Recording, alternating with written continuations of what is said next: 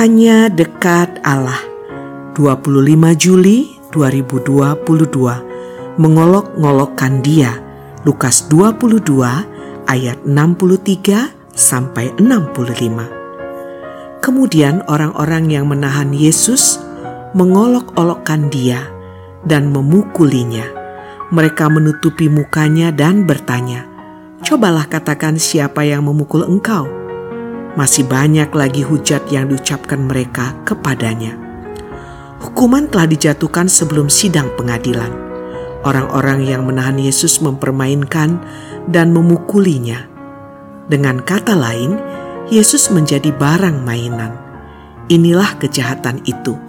Ketika orang menganggap sesamanya itu benda yang boleh dipermainkan seenak hatinya, tak ada lagi penghargaan terhadap sesama yang ada adalah orang yang menahan karena merasa lebih berkuasa, merasa berhak mempermainkan tahanannya, tak hanya dengan kata, tetapi juga dengan pukulan.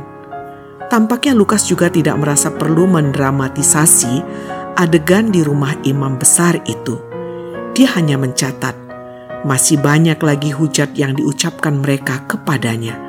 Dalam Kamus Besar Bahasa Indonesia, Hujat berarti caci, cela, atau fitnah.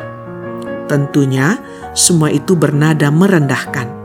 Dan tentu saja kita tak tahu berapa lama mereka menghujatnya. Yang menarik disimak, Yesus diam. Tampaknya sang guru tahu tak ada gunanya membantah, apalagi marah terhadap para penahannya. Marah hanya akan membuat sang pelaku lebih beringas. Dan tentu diri malah capek sendiri. Salam semangat dari kami, literatur perkantas nasional. Sahabat Anda bertumbuh.